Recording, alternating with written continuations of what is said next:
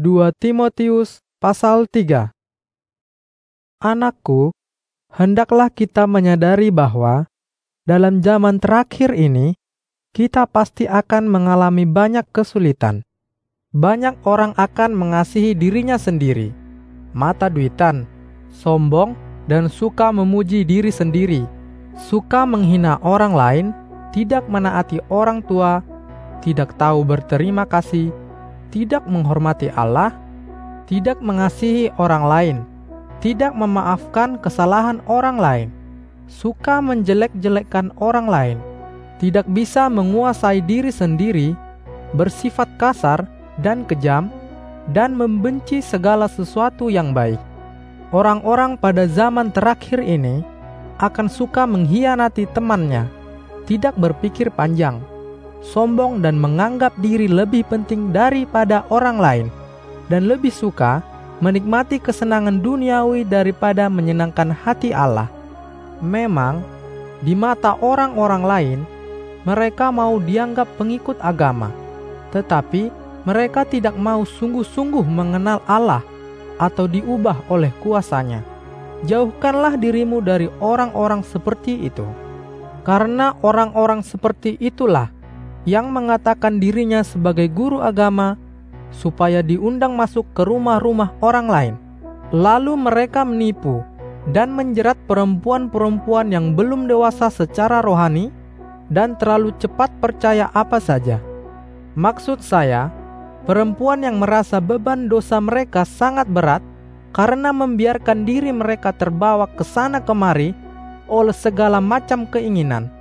Perempuan seperti itu selalu bersedia belajar tentang hal-hal rohani, tetapi ternyata mereka tidak mampu membedakan ajaran benar dan ajaran palsu.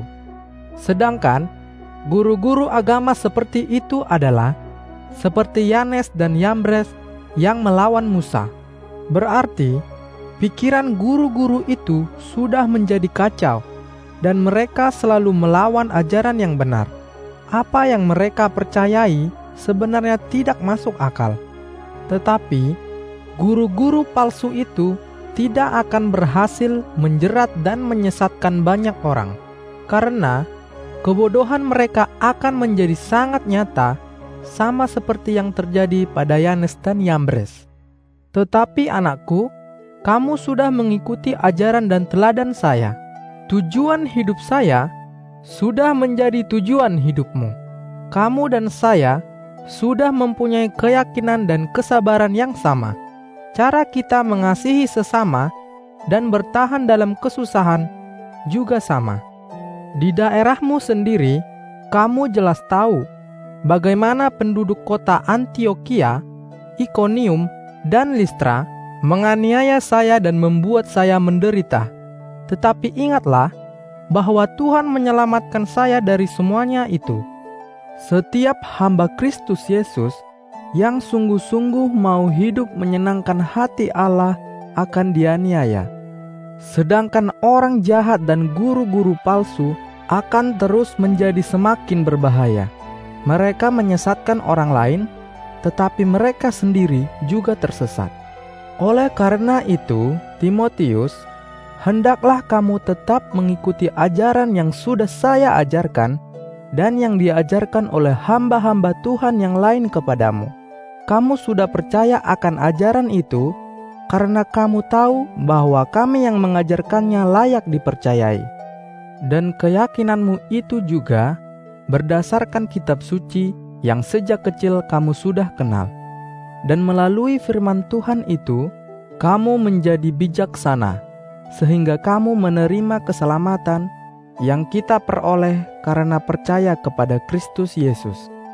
Seluruh kitab suci ditulis sesuai dengan perkataan Allah sendiri, dan semuanya berguna untuk mengajar, menegur, menunjukkan kesalahan, dan mendidik kita bagaimana hidup benar di mata Allah. Jadi, melalui firman Allah, kita sebagai hamba Allah dimampukan dan diperlengkapi untuk menjalankan setiap tugas yang baik yang diberikan Tuhan kepada kita.